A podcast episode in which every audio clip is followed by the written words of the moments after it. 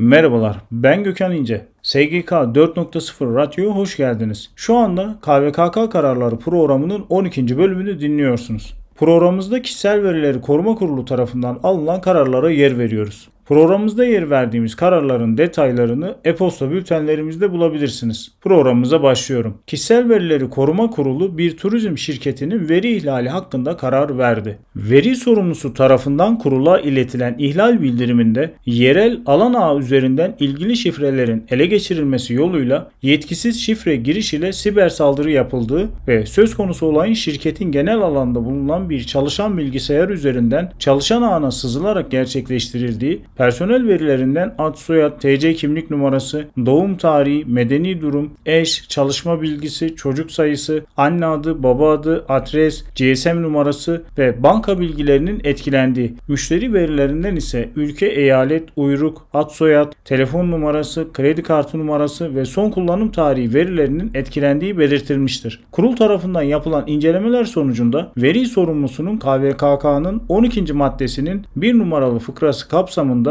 yeterli teknik ve idari tedbirleri almaması sebebiyle idari para cezası uygulanmasına karar verilmiştir. KVKK madde 12 kapsamında 400 bin TL ve geç bildirim sebebiyle 100 bin TL olmak üzere toplamda 500 bin TL idari para cezası uygulanmıştır. Ben Gökhan İnce. SGK 4.0 Radyo'da KVKK kararları programının 12. bölümünü dinlediniz. Bir sonraki yayında görüşmek üzere.